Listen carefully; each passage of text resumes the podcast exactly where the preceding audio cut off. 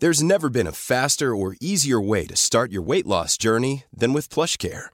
PlushCare accepts most insurance plans and gives you online access to board-certified physicians who can prescribe FDA-approved weight loss medications like Wigovi and Zepbound for those who qualify. Take charge of your health and speak with a board-certified physician about a weight loss plan that's right for you. Get started today at plushcare.com slash weight loss. That's plushcare.com slash weight loss. plushcare.com slash weight loss. Ready to pop the question? The jewelers at BlueNile.com have got sparkle down to a science with beautiful lab-grown diamonds worthy of your most brilliant moments. Their lab-grown diamonds are independently graded and guaranteed identical to natural diamonds, and they're ready to ship to your door. Go to BlueNile.com and use promo code LISTEN to get $50 off your purchase of $500 or more. That's code LISTEN at BlueNile.com for $50 off. BlueNile.com code LISTEN. Hi, I'm Daniel, founder of Pretty Litter. Cats and cat owners deserve better than any old fashioned litter. That's why I teamed up with scientists and veterinarians to create Pretty Litter. Its innovative crystal formula has superior odor control and weighs up to 80% less than clay litter. Pretty Litter even monitors health by changing colors to help detect early signs of potential illness. It's the world's smartest kitty litter. Go to prettylitter.com and use code ACAST for 20% off your first order and a free cat toy. Terms and conditions apply. See site for details.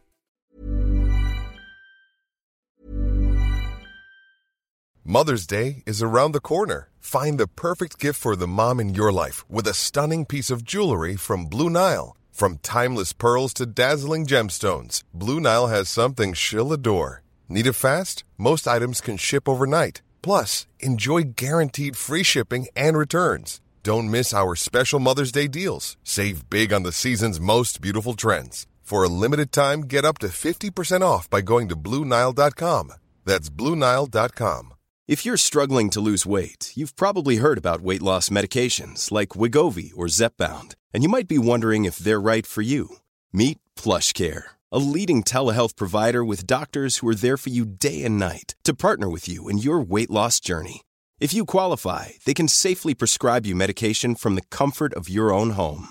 To get started, visit plushcare.com slash weight loss. That's plushcare.com slash weight loss. plushcare.com slash weight loss. Yeah.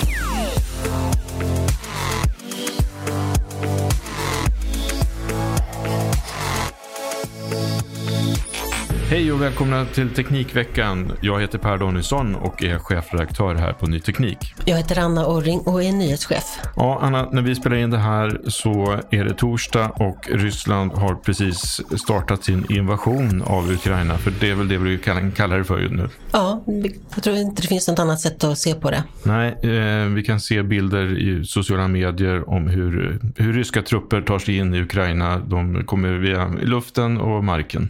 Ja, det är stor skala och det går ganska snabbt och det går mycket fortare än vad många trodde. Ja, och det här blir givet eh, samtalsämne även på vår redaktion såklart. Och vi har ju skrivit en hel del artiklar och försöker hitta en del vinklar som vi vill förmedla och berätta om. Kan du ge några exempel? Ja, vi har en lite annan roll än de breda dagsmedierna här, nyhetsmedierna, som ju följer varje steg. Vi tittar mer på vad finns det för tekniska perspektiv på det här? Vad får det för konsekvenser för tekniska system? Vi har fokuserat en hel del nu under veckan. Hur, hur skulle det här påverka energisituationen i Sverige? Vi har publicerat idag en genomgång av eh, vad har Sverige för beroende av kärnbränsle från Ryssland eller som har komponenter från Ryssland i sig. Och eh, vi har väl bara precis publicerat den artikeln så kom eh, Vattenfall med beskedet att de stoppar det ryska kärnbränslet i svenska kärnkraftverk. Vad konsekvenserna blir på kort och lång sikt, det är, alltså på kort sikt så kärnkraftverken fortsätter ju att gå som vanligt. Det här kommer inte störa produktionen men på längre sikt och liksom i ett lite större internationellt perspektiv så är det klart att det förändrar ju spelplanen. Och sen så har ju vår reporter Simon Campanello också liksom skrivit, eller analyserat eh, cyberkriget som Ryssland har bedrivit mot Ukraina. Och det är inte bara nu, utan det är i flera år. Precis, du beskrev ju hur attacken och invasionen ser ut just idag och under natten här och hur den kanske kommer se ut framöver. Men det här kriget sker ju också i cybervärlden. Och eh, Simon då, som är vår specialreporter när det gäller IT-säkerhet kan vi säga, så han konstaterar att det här, enligt alla definitioner som finns, så är det här ett cyberkrig nu som vi ser. Och att eh, ryska hackare har förberett sig länge för det här. Man kan se under en tioårsperiod eh, i olika vågor, alltså i olika attacker, de har hetat olika saker, så mm, har man tränat upp den här förmågan till att slå ut viktig infrastruktur, digital infrastruktur men också rent fysisk infrastruktur och helt enkelt störa ut det ukrainska samhället. Mm. Om vi tittar framåt då, vad, vad, kommer vi försöka berätta och rapportera om då? En intressant grej är ju Nord Stream 2. En nyhet som kom häromdagen var att Tyskland stoppar processen för att certifiera Nord Stream 2. Och, och vad är Nord Stream 2? Nord Stream 2 är en stor gasledning som går från Ryssland via Östersjön till norra Tyskland och ska förse då Tyskland med naturgas. Och naturgasen i Tyskland är en viktig del i deras energiomställning. Eh, men det är också en väldigt omstridd gasledning. USA gillar ju inte den alls och har ju vidtagit åtgärder mot företag inblandade i Nord Stream 2. Men det Tyskland gör nu är att eh, liksom, i liksom skenet av de senaste dagarnas händelser stoppar certifieringsprocessen. Den har inte tagits i driften. Frågan är den finns ju där. Den är ju liksom redo att börja användas. Vad kommer hända med den? Det tittar vi närmare på. Sen finns det också flera stora svenska och små teknikföretag i Sverige som har verksamhet i Ukraina. Vad händer med dem? Eh, hur kommer det här påverka deras verksamhet? Hur kommer de att agera? Viktig sak. Viktig sak. Sen, eh, vi pratade om cyberkrig, cyberattacker. Det är väl inte orimligt att anta att det här kommer att märkas även i andra länder än i Ukraina. Mm. Ja, eh, vi kommer ju fortsätta bevaka det här. Det kommer säkert hända jättemycket tills vi sitter här nästa gång och sammanfattar Teknikveckan. Eh, så att det är bara att följa nyteknik.se när det gäller teknikinriktade nyheter kring den här krisen. Och de stora medierna får man följa för dem för den, för den breda nyhetsförmedlingen helt enkelt. Men om vi lämnar Rysslands invasion av Ukraina ett litet tag och vänder blicken mot den kinesiska telekomjätten Huawei så har ju vår reporter Kalle Wiklund den här veckan granskat utvecklingen av Huaweis svenska verksamhet. Det är ingen munter läsning om man jobbar på Huawei eller gillar Huaweis eh, prylar. Under inledningen av 2019 så var var femte mobil som såldes var en Huawei hörlur. PR-kampanjerna var storartade med Sara Larsson och Sara Sjöström i, i spetsen. Men idag är marknadsandelen nere på runt 1 procent. Mm, det är ett otroligt ras. Ja, och på systemmarknaden är ju företaget helt utstängt från att leverera 5G-utrustning till de svenska operatörerna. Precis, det här är en väldigt uppmärksammad process som vi har bevakat. Ja, det har vi och eh, det har gått så långt att eh, Huawei till och med försöker stämma svenska staten på grund av det här beslutet. Men de har stämt. Ja, precis. De har stämt. Så är det. Jag ställer mig frågan, är det inte dags för Huawei att ge upp Sverige och uh, åka tillbaka? Kalle Wiklund, han har svaret. Hej Kalle, välkommen till podden. Tack så mycket Per. Ja, du svarar ju för veckans stora granskning här på Ny Teknik. Eh, din omfattande genomgång visar att Huaweis förhoppningar om att bli en stor aktör i Sverige i stort sett är utraderade. Eh, vad är det egentligen som har hänt här? Ja, på tre år, på bara tre år så har ju Huaweis eh, marknadsandel gått från att nästan var femte mobil som säljs i Sverige är en Huawei-telefon till att man mer eller mindre är liksom utraderade på den svenska marknaden. I, och eh, för, liksom, för, för, att förstå vad som har hänt, så om man går tillbaka till 2019 så, så låg ju liksom världen för Huaweis fötter. Eh, under ett gäng år så hade man liksom tagit fram en jättestark produktportfölj. Eh, man satsade på rätt tekniker eh, inom eh, smart mobiltelefoni. Eh, och man hade gjort ett gäng lyckade lanseringar. Och man hade precis liksom, eh, visat upp som, ja, en av världens första vikbara mobiltelefoner, Mate X. Och liksom, det kunde bara gå åt, åt en väg trodde alla. Så. Ja, och de hade ju också profilstarka eh, säga, profiler som marknadsförde deras telefoner som Sara Sjöström och Sara Larsson. Ja, absolut. Det var ju liksom ett, ett, ett PR-maskineri utan dess like. Liksom så. Utöver starka produkter så, så, så strösslar de ju stora pengar på, på, på PR och var väldigt liksom framgångsrika i det. Så, så det såg ju ut som att de, att de på liksom allvar skulle kunna utmana Apple och Samsung om, eh, ja, men om att bli störst i världen på mobiltelefoner. Ja, och här i Sverige då eh, visar ju din eh, granskning att, vad sa du, under kvart första kvartalet 2019 så hade de nästan 20% av marknaden. Ja, exakt så. Ja, och det har ju gått, liksom en resa som har gått väldigt snabbt så i. Wavo har ju funnits i Sverige sedan tidigt eh, 00-tal och har liksom, ja men jobbat mot operatörer, man har sålt telekomteknik, 3G, 4G, eh, men sen fick man snurr på liksom eh, konsumenttekniken för senare under, under 10-talet och växte väldigt snabbt. Liksom så. Ja, och så då har man då gått från eh, nästan 20 procent under inledningen av 2019 till idag, eller ja, slutet på förra året, till 1 procent. Ingen vill köpa deras mobiler. Nej, vi misstänkte att, att utvecklingen skulle vara så, men att det skulle vara så liksom svart på vitt så att man är liksom, ja men, så mer eller mindre utraderade så på den svenska mobilmarknaden. Mm. Och om man tittar på den andra delen av Huawei, då, systemdelen. Mm. Så där har ju också hänt massa saker som har gjort att de, de har det rätt tufft. Eh, den här utstängningen från 5G-nätet. Vilken, vad, vilken effekt har det fått? Jo men det har ju fått en, en stor effekt för, för företaget. Inte, inte minst PR-mässigt. Så i sammankopplingen med den kinesiska staten och, och liksom, så bilden av, av att man är ett, att Huawei skulle vara ett företag som man inte kan lita på. Så i, den biten har betytt, varit väldigt liksom betydande för, för hur eh, svenska konsumenter ser på Huawei men eh, ja, också hur branschen ser på Huawei skulle jag säga. I din granskning här då så har du pratat med Huaweis Nordenchef Kenneth Fredriksson, norrman som har varit länge inom organisationen och jobbat inom kinesiska bolag länge. Vad är hans syn på verksamheten idag jämfört med tidigare?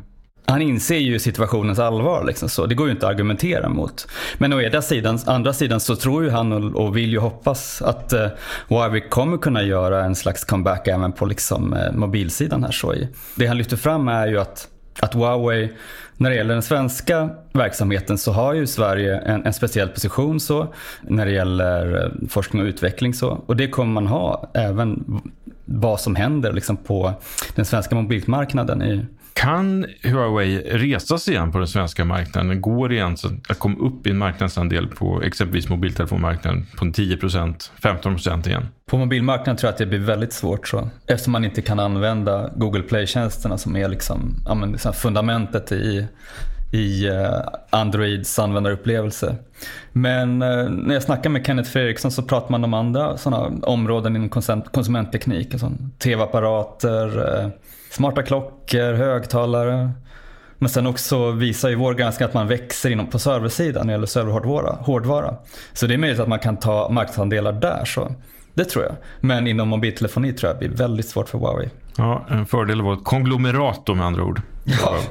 Eh, en sak som, som slår mig när man träffar folk som jobbar på Huawei är ju att de är väldigt stolta över att jobba där de liksom har nästan varumärket, eh, får man säga det, intatuerat i pannan på något sätt. Eh, och de vill inte kritisera den kinesiska staten eller det kinesiska eh, statsskicket. Utan det, de hävdar, eller säger hela tiden att Huawei är ägt av personalen och vi jobbar på en fri marknad här i Europa. Vad säger du om det här? Ja, men jag håller med. så. Det tycker jag är tydligt också. Och det är ju omtvistat liksom, så, vilka som äger Huawei egentligen och, och, och vilka kopplingar man har till den kinesiska staten. Det finns ju liksom indicier som pekar på att det finns väldigt liksom, starka band mellan, mellan staten och, och Huawei. Så, nej, men så absolut, det är min uppfattning också. Så, liksom den svenska verksamheten, de svenska anställda, så de har funnits i, i Sverige i 20 år ungefär och var liksom med och byggde upp svenska 4G-näten. Så, så att nu, och sen så har man liksom, är man plötsligt persona non grata. Så, och liksom min uppfattning är att man, man tar det kanske personligt eller någonting, att, att det liksom känns så. i att man har varit inne i värmen under så lång tid liksom, så, så plötsligt så är man inte välkommen. Liksom. Nej, precis. Och företagets eh, tekniskt kunniga människor de, de verkar ju vara ännu mindre förstående för det här. För de, det är ju ändå samma utrustning som ska rulla in. Men det är politik och det finns säkert skäl för olika typer av beslut baserade på olika typer av saker som vi kanske inte riktigt känner till ännu. Absolut. Men Kalle, du testar ju många nya mobiler som kommer ut på marknaden och eh, så har du även gjort med Huaweis. Kommer du fortsätta testa Huaweis mobiler och skulle du rekommendera en vän att köpa en, en mobil om de skulle fråga dig? Jag skulle inte göra det. Men det har inte att göra med eh, farhågor kring säkerheten utan det är mest för att anledningen man inte har, liksom, man har inte tillgång till Androids fulla ekosystem. Så eh, nu har ju liksom Huawei gjort sitt för att konvertera, som porta BankID och andra appar till deras ekosystem. Men, men, man får liksom inte samma användarupplevelse, samma Android-upplevelse som om man köper en telefon från Samsung eller från Xiaomi eller från en annan tillverkare. Så av den anledningen så, så skulle jag inte rekommendera någon att köpa en en Huawei-telefon i dagsläget. Nej. Ja, vi får se vad som händer. Vi kommer garanterat fortsätta följa Huaweis utveckling på den svenska och europeiska marknaden. Stort tack Kalle för att du var med i podden. Tack så mycket. Ja, men då säger vi tack till Kalle. Den som vill läsa hela den här granskningen av Huawei kan göra det på nyteknik.se i vår papperstidning eller i vår e-tidningsapp. Det är verkligen ett jättebra reportage. Bland de andra tekniknyheterna den här veckan då, Anna, vad, vad är det som märks då, liksom, som sticker ut lite grann? Ja, vid sidan av Ukraina-konflikten då så pågår ju nyhetsvärlden och eh, samhället liksom ändå som vanligt. Och eh, en nyhet som kom i veckan var, handlar om fossilfritt stål som Sverige jobbar mycket med att utveckla. Då kom nyheten att SSAB och Polestar ingår ett samarbete för att utveckla en, vad de kallar då, klimatneutral bil. Ett begrepp som säkert kommer att diskuteras mycket. Det här samarbetet handlar om att ersätta det konventionella stålet i bilarna med fossilfritt stål och att försöka då ersätta även andra material med eh, sånt som ger lägre eller då enligt dem inget koldioxidavtryck. Ja, så spännande att följa det där apropå cyberattacker då så blev ju 2021 också ett rekordår för ransomware visade sig. Där eh, Coop blev ansiktet utåt för utpressningsvirus här i Sverige. Men de är ju bara en i mängden av de som drabbades förra året och enligt säkerhetsexperten Marcus Murray som har sammanfattat ransomåret 2021 och tittar framåt så är, kan vi bara räkna, eller ska vi räkna med att den här typen av attacker bara fortsätter och att de ökar. Så att, eh, ja, håll i hatten. Vi har ju skrivit en hel del om eh, Northvolt och Volvo Cars nya batterifabrik i Göteborg och nu inleds ju då processen för att få alla tillstånd på plats för den här fabriken.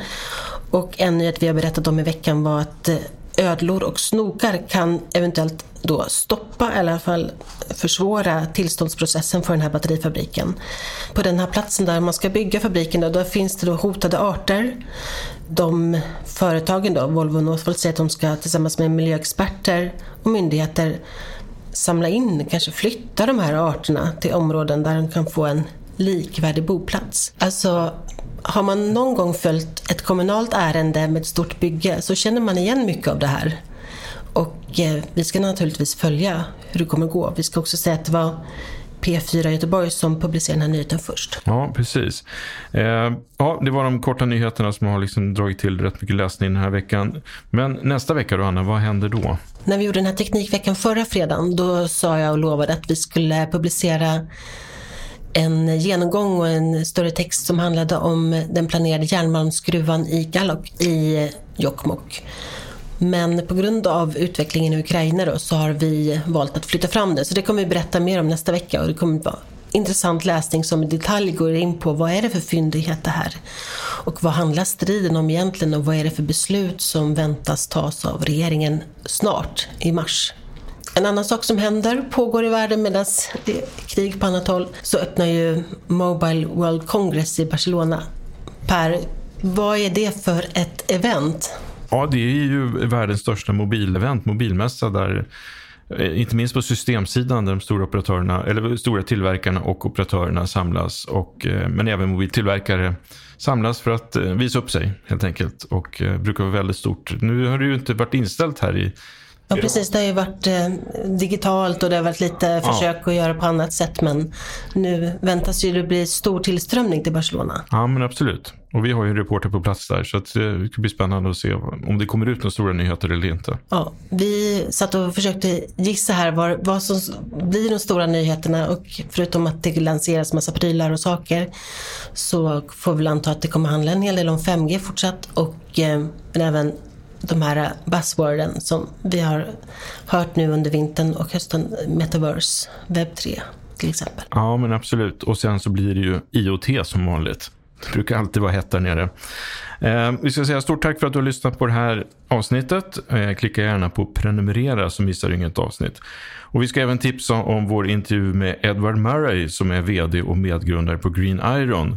Som tillsammans med sin pappa Hans och hans pappans eh, patenterade teknik då ska tillverka fossilfritt järn och stål från restprodukter och avfall från bland annat stålverk. Den här intervjun finns redan publicerad och det är väl värd att lyssna på. Och nästa tisdag, ja, då är det dags för tredje avsnittet av vår techpodd Amaras lag. Den här gången försöker våra reportrar Anja Obinska, Simon Campanello och Viktor Krylmark och inbjudna experter förstå vad kvantatorer är för något och går ens att förklara med ord. Kan du det Anna?